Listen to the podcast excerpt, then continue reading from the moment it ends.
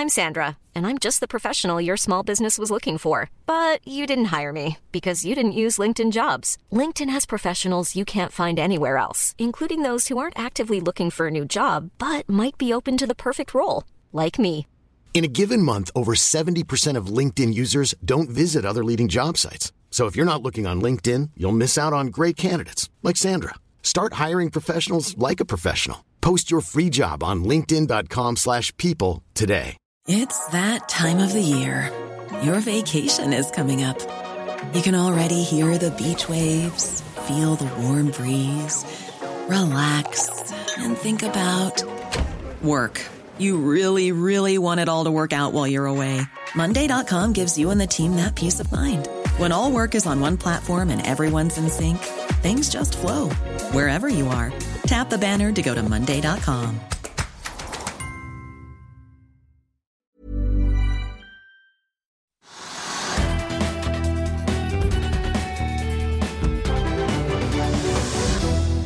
Rekorder ble satt på Wall Street i går, og selv om markedet falt eh, noe tilbake på selve da dagen halloween, så var det altså ikke nok til å ødelegge oktoberrekorden som ble satt for Dow Jones.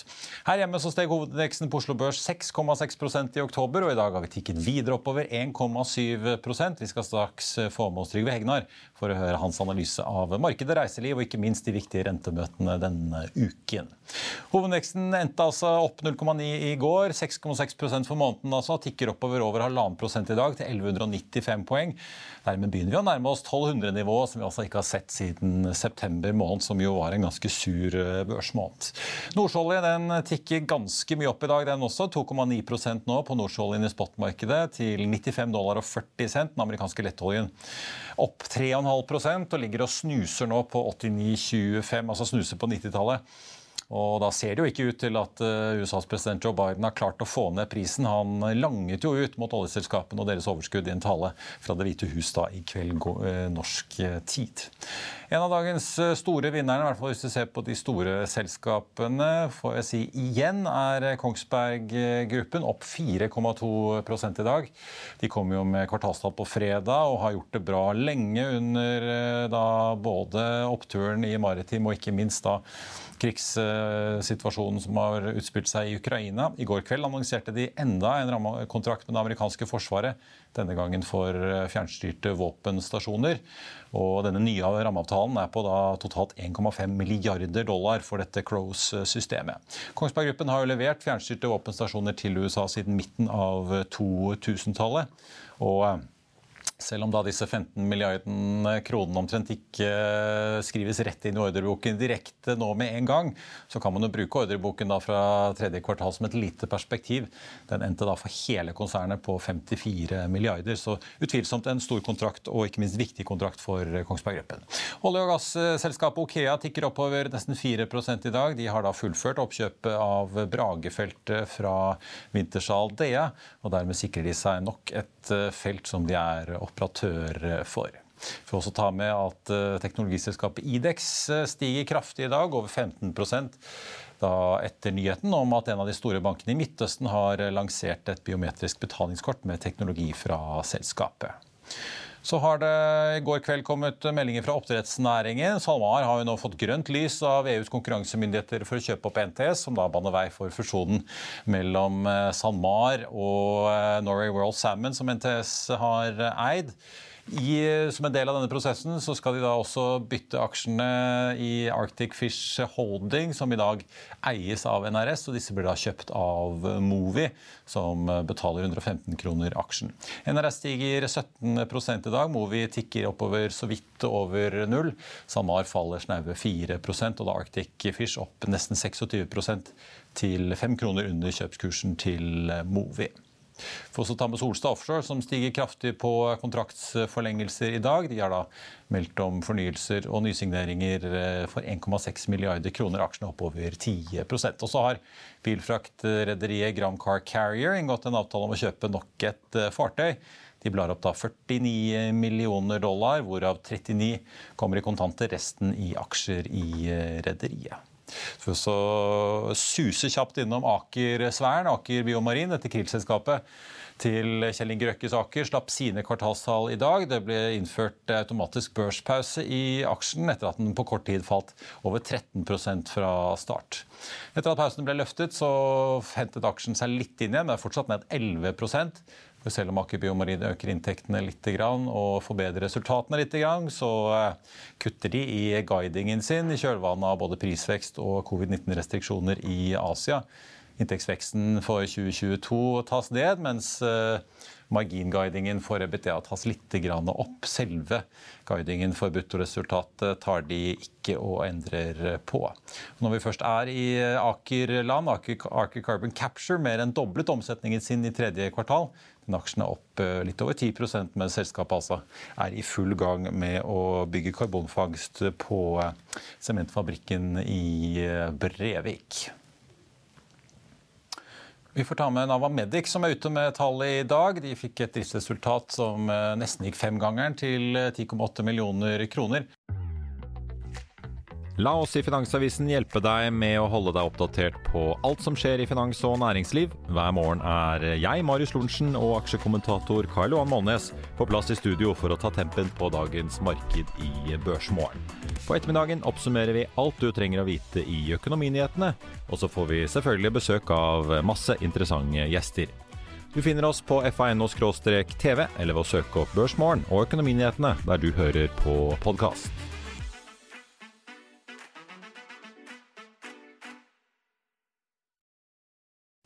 Vi skal straks få med Trygve for å snakke om rentemøter og alt som skjer i markedet. Men for å sette tonen litt, skal vi en kort tur til London.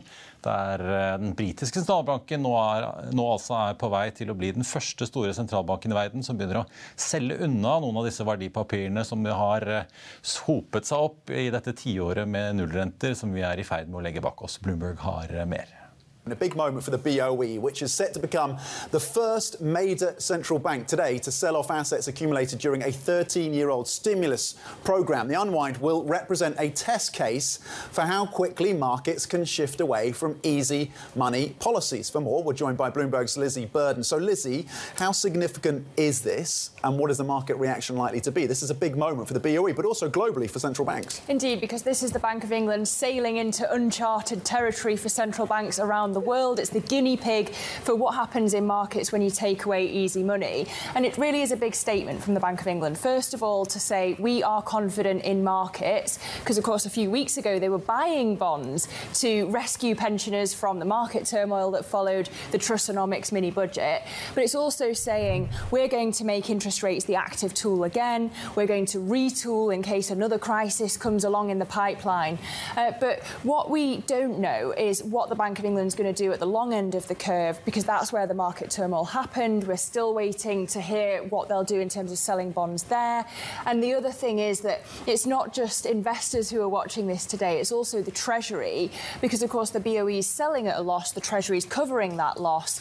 And it's really a reminder to Jeremy Hunt, the Chancellor, uh, there is a price of fiscal U turns.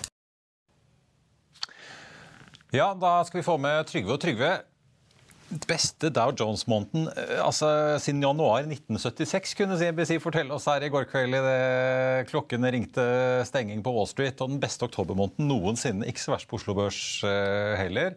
Nei, Oslo Børs var jo opp da 6-7 så det var ganske bra. det òg. Hvordan leser du dette? her? Er det en litt sånn, La vi oss lure litt midt i nedgangstiden til å tro at nå er det over, eller er det noe, en genuin korreks av det ganske kraftige fallet vi tross alt har sett? Altså, Vi har jo sett et, et fall som er stort, og, det, og de andre indeksene var ikke like bra som Dow Jones. og er, man, kan, man, kan, jo lure på da om liksom, faren for resesjon er over. Og at uh, sentralbankenes arbeid for å få ned liksom, inflasjonen og, og, gjøre det på den måten at man øker renten, at det, hele prosessen er over, det tror ikke jeg. Altså, det, det, altså, vi fikk jo melding fra eh, prisveksten i EU var jo da 10,7 10,7% i september. Det er jo helt vanvittig. Altså, det er, tikket oppover. August tikket oppover, ja. september tikket oppover. Ja. Kan, det har aldri vært en prisvekst så høy noen gang, og det vil selvfølgelig sentralbanken i Europa gjøre noe med. Og Det samme kan man si om sentralbanken i USA. De vil gjøre noe med den prisveksten man har. Den er ikke kommet langt nok ned. Så jeg kan ikke se at dette er over. Men det, men det som ser ut til å være over, det er at folk regnet veldig på det. Og at liksom tekstselskapene, når de da hadde liksom plutselig begynte å måtte betale rente, kanskje, og liksom at de, de fremtidige inntektene ikke var så store likevel. Ikke sant? Man hadde gått fra nullrente til 3 eller 2-4 rente. Og det er jo riktig det at på en måte, på en måte så ble regnestykkene litt annerledes, da. Men uh, at det liksom hele prosessen med re, reprising og multipri at den skal være over, det, det tror jeg ikke på, faktisk. Jeg, altså, opp, børsoppgangen i, i, september i USA, i Dow Jones, var for sterk. Altså, som du, du sa, den sterkeste siden 1976. Det er, og Oslo Børs 6-7 opp.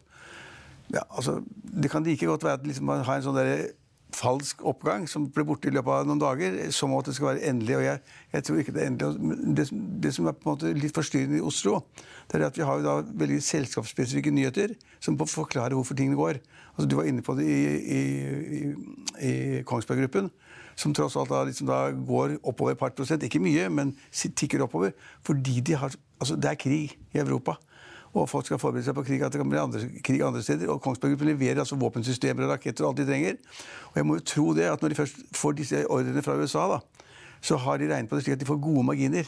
For Det liksom, det er ikke liksom å øke omsetningen og bare gi bort våpen. Altså det må være for, Når du først har den sjansen til at eh, land som USA og Europa andre land står i kø for å kjøpe det du har, og du kanskje har det beste i verden, så får du deg godt betalt. Så da skjønner man at det, at det selskapet går, det er det en god grunn til. Og du var også inne på Aker Biomarin, altså som da på en måte skuffer markedet. Da skjønner du at markedet faller.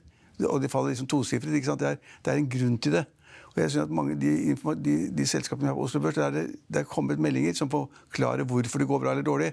Og Indeks var også inne på. ikke sant, Ridex var også inne på, som da på en måte har levert et system som da en bank eller hva det måtte være, et finansselskap i, Midtøsten skal bruke sine kort. Det er, det er real business. Også, og, og også oppdrettsnæringen som da er et oppkjøp som da liksom, Man var ikke sikker på om oppkjøpet vil bli godkjent av EU. og Så blir de godkjent, og så alle brikkene faller på plass, og man selger en bit av det man skal kjøpe. og liksom alt, alt, ordner seg. Og I tillegg til det så kommer da liksom finansministeren og sier at kanskje vi ikke skal ha en så tøff beskatning av oppdrettsnæringen som vi kanskje tenkte i begynnelsen. Så jeg vil si at På Oslo Børs er det en del ting som man forstår ganske godt. Da går, går selskapene. Håndfast, kanskje? En, ja. ja, så jeg, jeg synes at det er, det er, Noen selskaper, ganske mange selskaper forstår man hva som foregår. Man skjønner også da at børsen går. Og nå er vi på Oslo Børs kommet som pluss-minus null på årsbasis. Det er jo ganske imponerende da, i en tid hvor man trodde man skulle få resesjon og bredt børsfall. så jeg er litt imponert over at det går så bra. Så må man da regne på de tingene man får. Det er, det er da, man må se på selskapene. Hva rapporterer hva, hva slags balanse har de? Eh, tjener de mer penger? Er marginene bedre? Gjør de riktige tingene? Er ledelsen god? Og det, Nå går det an å regne på det. Så jeg tror ikke at vi får det der kjempefallet som noen har sagt på børsfall på 20 eller 30 eller 40% Det tror jeg ikke vi får. Ja, det er, jo, så er det jo veldig interessant Hvis man leser guidingen til disse selskapene, enten det er i USA eller Norge, så blir de jo fort straffet hvis de begynner å ta ned utsiktene for utviklingen eh, fremover. Alt fra liksom Microsoft, eh, som ikke tror de kommer til å vokse så mye på skytjenester, bom ned, liksom. Amazon eh, kommer litt sånn skuffende utsikter om julehandelen. Da er det bom ned. Ja, altså det er et veldig godt poeng. Nå får vi jo for europris på torsdag, som blir spennende å følge med på hva de sier om julehandelen. Ja, men vi har sett det i USA særlig at hvis man da på en måte mister på guidingen, altså bitte lite grann, så sender ikke aksjen ned 5-10-20 og Det gjør vi jo ikke i Norge. Men det gjør de fordi at man, man, skal guide bedre i USA. og Hvis man ser avvikene fra da, omsetning, resultat osv., så, videre, så er det hårfine øh, avvik fra det. Og de, de, beste, de beste ligger selvfølgelig på den oversiden, slik at man ikke får da skuffelsene. Øh, så man må liksom levere litt i Amerika, da. Men jeg syns oppgangen da i, i, september på Dow Jones var altså, Det er for mye. Det tror jeg kommer til å få en korreksjon på, men da må det komme en hendelse da, som gjør at man, man får det og, det. og, hendelsene kan være det at man får mer debatt igjen om det, altså, at sentralbankene må øke styringsrentene, slik at vi får et annet rentebilde fremover. Og blir det et annet rentebilde fremover, at liksom renten stiger og stiger og stiger, og da de fremtidige inntektene blir mindre og mindre verdt, så vil det ramme da typiske eh, Netflix og, og Amazon og Apple. Ja, Det er bare å se på de tre store indeksene. Dow Jones opp 14% SMP 8 og Nasdaq 3,9. Så det sier jo på en måte alt. Der har du ja. de tunge, gamle, gode industrielle og forbrukeraksjene som uh, putrer og går og leverer inntjening og sånn. Andre enden så har du tech-aksjene på Nasdaq. De såkalte FANG-aksjene som alle har, og da, da går det dårlig. Mm. Og de har gått veldig dårlig. Men nå så er det, ja, jeg synes det er et veldig morsomt førspill, men jeg er ikke sikker på at denne stormen er over. Nei. Men dette rettemøtet i USA i morgen det blir jo uh, litt sånn uh, Det setter jo litt standarden for de andre sentralbankene. Ja. Det var jo den europeiske ute og økte renten uh, her på tampen av forrige uke. Så fikk de da slengt disse inflasjonstallene i ansiktet i går med over 10% Men i USA er jo inflasjonen tross alt på vei ned, selv om kjerneinflasjonen tikker oppover uh, fortsatt. Kjern, ligger vi på 5-6% kjerneinflasjon. Altså det er jo, altså, Men tror du liksom at uh, Federal Reserve kanskje kommer til å signalisere at uh, nå begynner vi å se at uh, politikken vår har effekt, og at vi kan slakke av, eller tror du de bare gasser på videre? Jeg tror de gasser på. Ja. Altså, det er spørsmålet om Skal det komme en kvarting, eller liksom 25 rentepunkter, eller 50 rentepunkter, eller 75? Og jeg heller jo til 75, for det er altfor mye å ta igjen. De ligger for langt etter. altså Rentebanen er helt feil. Og det, De får ikke ned den prisveksten ned på et nivå de skal være, altså rundt 2% Det får ikke til uten at de da får renten enda mer opp. Og Helt sikkert så setter de opp en kvarting. Kanskje setter de opp 50 eh, rentepunkter. Og jeg tror fortsatt, tror fortsatt at de da må, må, må gasse på, som du sier. Og da vil, da, da vil de øke med Nå er de oppe i 3,75 fra dagens nivå ja, 3 til 3,75. Da, da, ja. ja, da begynner liksom det amerikanske næringslivet å merke det. Da vil man merke at renten er mye høyere, at det blir mye skumlere. Og så vil folk begynne å velge liksom rentepapir istedenfor aksjer osv. Og, de, og, og, hele den økonomiske aktiviteten vil gå ned. Og Kanskje, ja. Jeg bet meg merke disse boligtallene fra USA. Nå er jo, eh, De sitter jo ofte på sånn 30 års eh, fastrentelån på bolig i USA. Der var rentenivået i snitt over, bikt over 7 ja. eh, Gått opp ganske kraftig på kort tid. Ser du på disse Pending Home Sales, som også er brukt boligsalg. Eh, det var ned 31% i september fra samme periode i fjor. Falt 10% bare i september. Det er jo liksom bråstopp i eh, boligsalget. For det er jo ingen selvfølgelig som vil ha boliglånsrente på 7 Nei. pluss hvis de kan slippe. Men det, men det er et veldig godt poeng. Men vi har, vi har ikke bråstopp i Norge. men vi har, vi har Her sitter vi jo på flytende. så det... Men, men vi, har, vi, vi, ser jo det at liksom markedet stopper litt opp, enten det er hytter eller hus, fordi at rentekostnadene blir for høye. Det ser vi. Alle treffes jo av rentene i Norge, da, i motsetning til USA. I USA altså, her treffes jo alle av rentene. Ja, ja. Vi sitter i flytende stort sett alle sammen, mens der er det jo bare de som uh, må kjøpe, som treffes. Ja. ja. Og, da er vi da, over på rentemøtet i Norge på torsdag klokka ti. Kommer beskjeden hva de vil gjøre. Jeg er jo rimelig sikker på det at Norges Bank hun er nøktern dame, sentralbanksjefen. Hun tuller ikke. og Hun mener fortsatt at vi har altfor høy prisvekst i Norge. Det er jeg helt sikker på. Du heller mot en halv prosent, et halvt prosentpoeng? Ja, Kvarting kan du se bort fra, tror jeg. da. Og, og, så blir det i hvert fall 50 rentepunkter. Men det er, fordi det er mange samfunnsøkonomer som er på banen, også senest i dag, i, i, i Finansavisen. Og Det er liksom blitt en sånn bølge som liksom, Nå må ikke Norges Bank ta i for mye. For da kan vi kvele industrien og kvele næringslivet og liksom ta rotta på privatøkonomien til folk.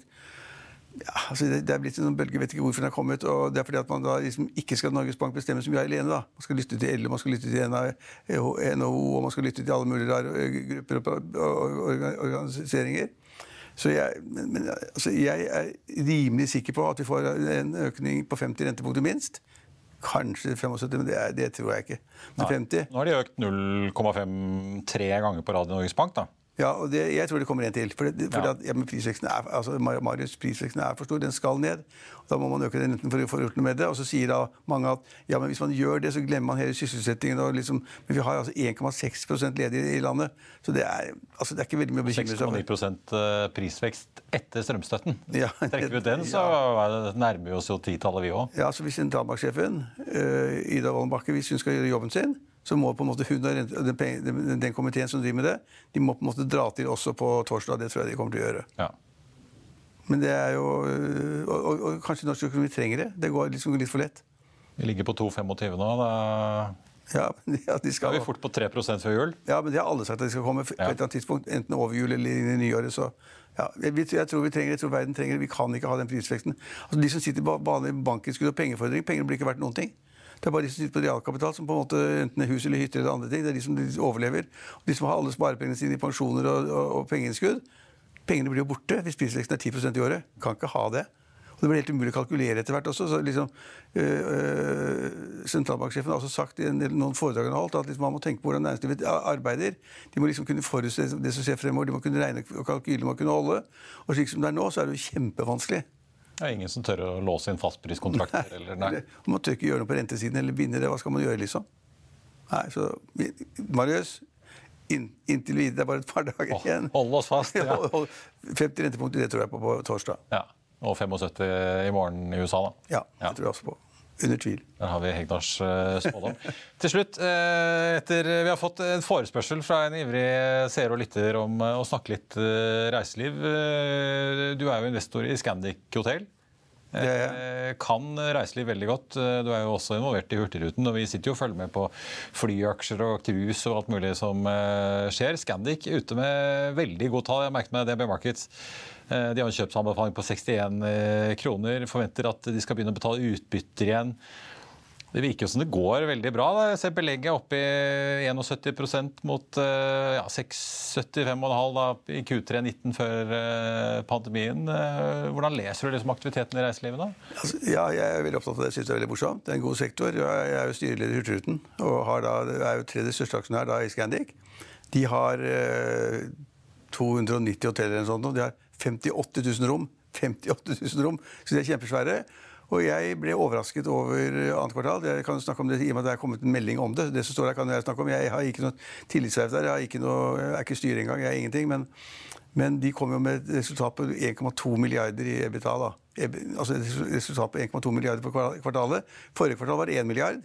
Så det, Pengene renner jo inn. Og det gjør det også i, Stor, i, i Petter Stordalens selskap. Uh, hotellselskap i, i Skandinavia. Ja, byttet navn til den heter alt Strawberry, men i hvert fall Choice het det i gamle dager. Ja, ja, ja, det, ja, det heter, hotellgruppen heter Choice fortsatt da.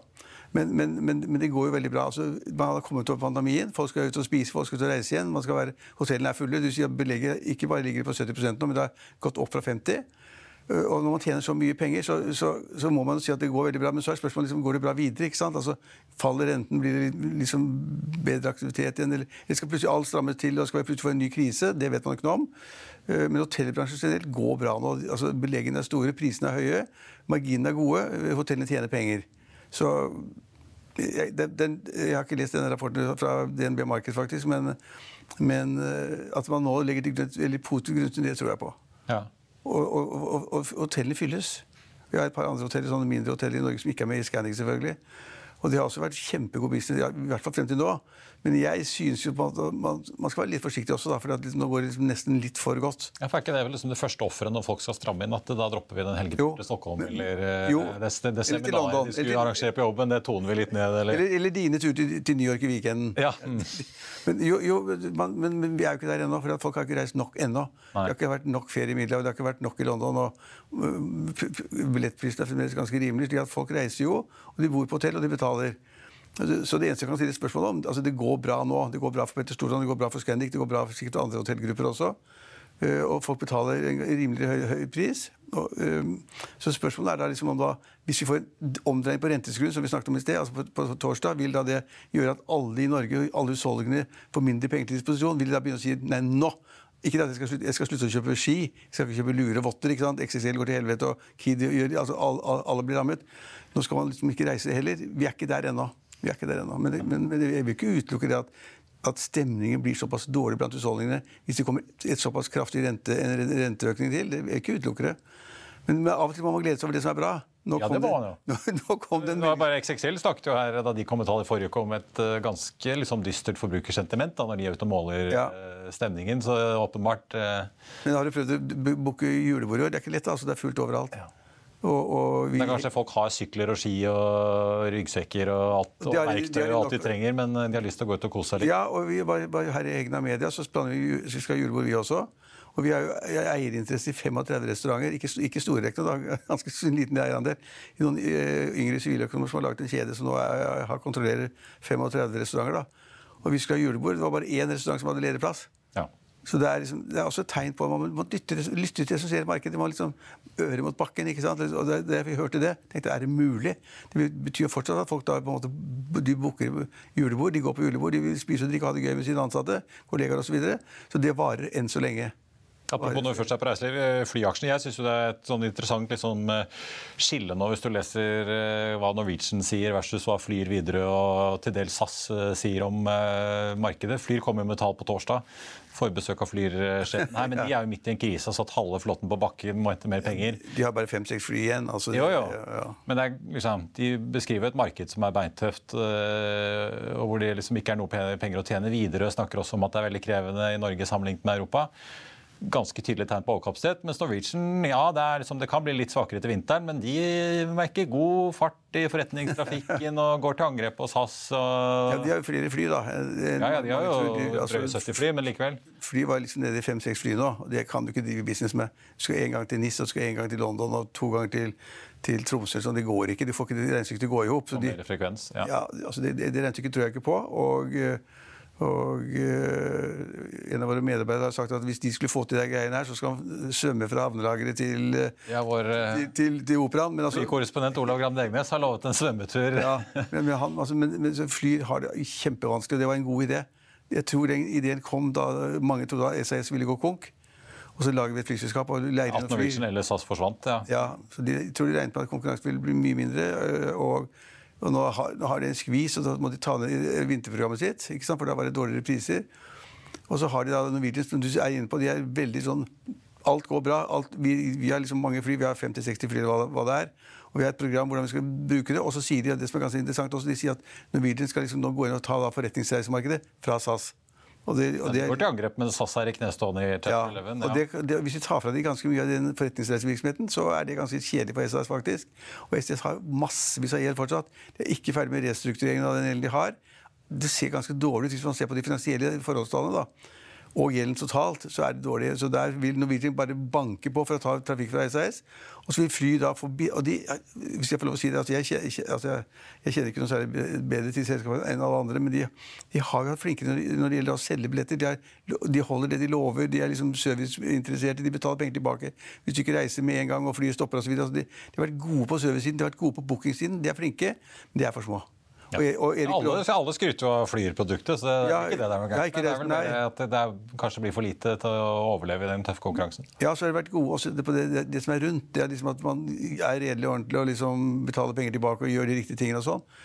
Men du kan ikke drive flyselskap med 4-5 Og han som da satte i gang, Erik Bråten, han, han er liksom da arving, ikke arving, men hans, bestefar var, hans bestefar, Ludvig Bråten, var som startet selskapet. Og så er det familien hele tiden likt å være inn fly. da. Så broren Per han driver, han driver jo bra i Sverige. Og... Ja, ja, men ikke, ikke så han, Eier Dyreparken, da. Ikke ja. bedre enn at han hadde 20 fly som alle sammen ble levert tilbake til uh, leasingselskapene. Han måtte begynne på nytt igjen. Men han er interessert i fly, han også. Og jeg håper det går. Uh, Erik Bråten driver da flyr. Det tror jeg ikke går. Og da blir du sittende igjen kanskje da igjen med SAS og, og, og Norwegian. Norwegian kjører et steinhardt løp, og de tror jeg kommer til å overleve. Og de har sikret seg noen store, gode, rike aksjonærer også. slik at altså, Reiselivet er spennende, luftfart er spennende, men det går fort den gærne veien. Det blir i hvert fall veldig spennende å se hva flysjefen har å si når hun kommer her på eh, torsdag. Jeg vet det er mange spennende. som følger spent med på hva Flyr eh, har i gjerdet. Trygve, takk skal du ha. Vi, eh, for hvis vi skal videre, etter disse lystige tallene da for børsen i oktober måned, så tenkte jeg vi skulle ta et lite klipp fra Investordagen, som vi i Finansavisen arrangerte nylig. Her hører dere hva investor Peter Hermanrud deler av sine tanker om markedet om dagen, og hvor det kan gå ordentlig galt. Bare se her. Det kommer jo en økonomisk nedtur som Robert så godt sa. Aksjemarkedet har jo sett mye av det. Jeg vet ikke om det er nok eller ikke. Eh, Inntjeningsestimatene har ikke sett det ennå. Eh, nedturen er et faktum. Arbeidsledigheten kommer til å stige. Jeg har fortsatt en god del cash, jeg har salgsopsjoner, men på marginen så er jeg heller sånn at jeg vurderer nå å øke på og ha en større posisjon. Mindre cash. Eh, jeg bruker masse tid på å forstå hvordan den økonomiske nedturen slår på selskapets inntjening. Eh, alle selskaper får. Det er alltid måter det kan ramme på. Og de fleste selskaper kommer til å merke det. Eh, og jeg mener Det er veldig viktig å se på historikken. Hva skjedde med denne bransjen i, i foregående nedturer, f.eks. eksempel? det jeg vet vanligvis, er at eh, sykliske bransjer rammes hardt av en resesjon. Kanskje litt bedre denne gangen, fordi at eh, tilbudssiden vokser ikke så mye som det pleier å gjøre inn i resesjonen. Og så tenker jeg også, ok, Kan det bli noe skikkelig krise? De fleste resesjoner de begynner med det vi tror på en soft landing. Det ender med at vi tror at verden aldri kommer tilbake igjen. Hvilke, hva er det som kan gjøre at dette blir virkelig ille? Det nærmeste er kanskje hele eiendomssektoren, som har levd med ekstremt lave realrenter og ekstrem giring. Hvis vi skal ta én kandidat, svensk næringseiendom, som, som kan bli, altså, gå over til en systemkrise etter hvert. Men noen helt enorm giring etter hvert som verdiene faller. Enorme kapitalbehov, eh, og litt vanskelig å se hvordan det skal løses. Det kan selvfølgelig spre seg også til bolig. Ok, De casene jeg tenkte å snakke om, fire stykker jeg tenkte å nevne. Niland-gruppen nevnte jeg i fjor så vidt. De lager rett og slett etiketter til klær. Ganske kjedelig, men det er ikke kjedelig med de tallene de har. Oppe til høyre ser dere egenkapitalavkastningen i selskapet. Så lenge det finnes data de siste 11 år, så ligger det så mellom 30 og 40% egenkapitalavkastning. Det er mye. Eh, det er en strålende langsiktig story på utrolig lenge. Helt uten analysedekning eller en kvart analysedekning. Eh, jeg tror at det blir direkteavkastning på 10% for i år, 2022. Jeg tror det kommer til å holde eh, og øke med kanskje 7% i året. Da får du 17 årlig uten å forutsette reprising. P8 på 2022, 8,5 ganger de siste 12 måneder. Eh, høy quality earnings, aldri engangskostnader. Ta markedsandeler. Og så er det resesjon, da. Jo, i en resesjon faller klessalget, men det falt ikke mye. I de foregående resesjonene var det faktisk ganske lite klessalget falt. Og Så blir det selvfølgelig noen dårlige kvartaler, eller dårligere antagelig, hvor, hvor, hvor kleskjeder, først butikkene og så klesprodusentene, oppdager at, ja, måte, at, det går dårligere, og så kutter de produksjonen. Og så en stund så kjøper de mindre etiketter. Så det blir sikkert noen sånne greier inn i resesjonen der også. Men jeg tror det blir ganske lite, og jeg tror mot bruttomarginen kommer til å holde. Litt mer vekst. Litt mer risiko på økonomi, tror jeg. Outsourcing av elektronikkproduksjon, det kalles EMS. En veldig megatrend. Vi ser grafen oppe til høyre. Eh, Gjennomsnittlig vekst i bransjen er opp nå på tre års rullerende på oppi 20% som er kjempebra. Det er drevet av vekstdrivere på tampen av sendingen skal vi ta med et par nyheter om jobbbytter. får vi si. Styret i Mosseval har ansatt Helge Kvalvik som ny administrerende direktør. Han begynner i stillingen i januar og kommer fra samme jobben i Boe Offshore. Vi skal også ta med at eh, Ohad Maiman vil gå over eh, fra rollen som administrerende direktør til, til et rådgivende stilling da, i Kingfish Company. Det er styreleder Hans eh, Den Biman som da skal fungere inntil man finner den permanente etterfølgeren. Og Så går Gisle Sveva av som sjef i GNP Energy. Den nye styrelederen Martin Gustafsson skal også der fungere som uh, sjef og arbeidende styreleder frem til da en ny administrerende direktør er på plass på fast uh, basis. På tappet av sendingen skal vi se litt på markedet. Hovedindeksen på Oslo Børs opp 1,2% og dermed fortsetter den store oppturen fra oktoberfesten. Og uh, vi har lagt på en god da, prosent på de 6,6 prosentene som vi så eh, Oslo Børs da legge på seg i oktober måned. Oljeprisen ligger nå opp nesten 2 eh, til 94,58. En veldig god dag i råvaremarkedet, i hvert fall sett med norske øyne. Den amerikanske lettoljen opp 2,6% til 88,40. 41. Og eh, vi ser også at eh, rundt oss i Europa så er det også grønt med unntak av København, som ligger så vidt i minus. Det er jo nå bare fem timer tidsforskjell til New York, siden amerikanerne ikke har gått over til vintertid ennå. Så Wall Street er også åpen nå. Vi ser Dow Jones tikke opp over 0,1% fra start. Nasdaq opp 0,3, SMP opp 0,2. Så da ser det også der ut til at vi holder koken litt eh, videre. På listen over de mest omsatte aksjene så er det verdt å få med seg at Aker BP og Hydro begge tikker opp over drøye 2% Frontline opp nesten nesten 5 Så har vi da SalMar og Movi, som begge er i minus i dag. SalMar ned 4,2, og Movi da ned en drøye halv prosenten. Kongsberg Gruppen gjør det fortsatt veldig godt da etter ikke bare en veldig god dag da de slapp kvartalstallene på fredag, men også da etter nyheten om at den amerikanske hæren kjøper eller inngår nok en rammeavtale for disse fjernstyrte våpenstasjonene av typen Crows, denne gangen for da nye 15 milliarder kroner. Da aksjen opp 3,8% i dag. En av de store taperne, Aker Biomarin, som er ute med kvartalstall og gjør justeringer i guidingen sin, ned 11% nå på Oslo Børs. I andre enden har vi da både Sikri og Idex. Sikri eh, var jo oppe i går da på nyheten om at tidligere Skipsstedsjef Rolf Erik Krysdal er eh, innstilt som ny styreleder og kjøper aksjer i selskapet for 10 millioner. Den aksjen er opp enda mer i dag, 18 til. Idex, eh, som også har kommet med nyhet om at en bank i Midtøsten skal bruke deres løsning for identifikasjon, opp nesten 23% nå. Ellers er det verdt å merke seg Kahoot, som kom med tall litt senere i uken, opp hele 7% i i dag. Vår Energi opp 1,1. Autostore nesten 14% på en ganske solid omsetning på nesten 100 millioner kroner. Og ser også at uh, seismikkaksjene PGS og TGS gjør det bra i dag. PGS 7,3% opp, TGS da 2,7. Så er det et par kvartalstall som jeg bare må sveipe innom på slutten, som vi ikke har rukket å se på. Self Storage Group, dette minilagerselskapet, er ute med tall, og inntektene i tredje kvartal endte på nesten 102 millioner kroner. Det er ny rekord. og Inntektsveksten eh, mot samme periode i fjor var på 10 Brutto driftsresultat også 4% bedre enn samme kvartal i fjor. Eh, bunnlinjen derimot fortsatt i rødt. Og så er det da Hexagon Purus, spin-offen til Hexagon Composites er ute med tall. Composites kommer med tall litt senere i uken. Purus ute i dag. De hadde da driftsinntekter på 222 millioner, opp fra 103 på samme tid i fjor. Og selv om de foreløpig ikke har helt klart å levere målet om 900 millioner kroner i omsetning i år, så sier selskapet altså at dette har de i ordreboken, sånn at det kommer de til å klare å levere med tiden, i hvert fall. Ordreboken den vokste til 1,3 milliarder kroner i kvartalet. I Finansavisen i morgen så kan du lese Trygve Egnars leder om Bidens dumme straffeskatt. Du kan lese om riggselskapet Valaris, som ser en vedvarende oppgang i riggmarkedet. Så kan du lese om at Pareto tar opp dekning av havvindserviceselskapet Edda Vind.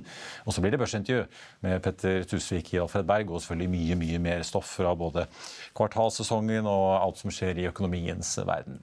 Og det var vår sending på denne første dagen i november, og altså første børsdagen i en ny måned. Tusen takk at du så eller hørte på. Vi er tilbake igjen i morgen Børsmorgen 08.55 og Økonominyhetene 14.30. I mellomtiden så får du som alltid siste nytt på FA nå. Mitt navn er Marius Thorensen.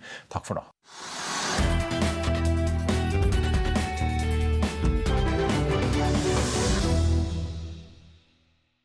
Økonominyhetene er en podkast fra Finansavisen. Programledere er Marius Lorentzen, Stein Ove Haugen og Benedikte Storm Bamvik. Produsenter er Lars Brenden Skram og Bashar Johar. Og ansvarlig redaktør er Trygve Hegnar.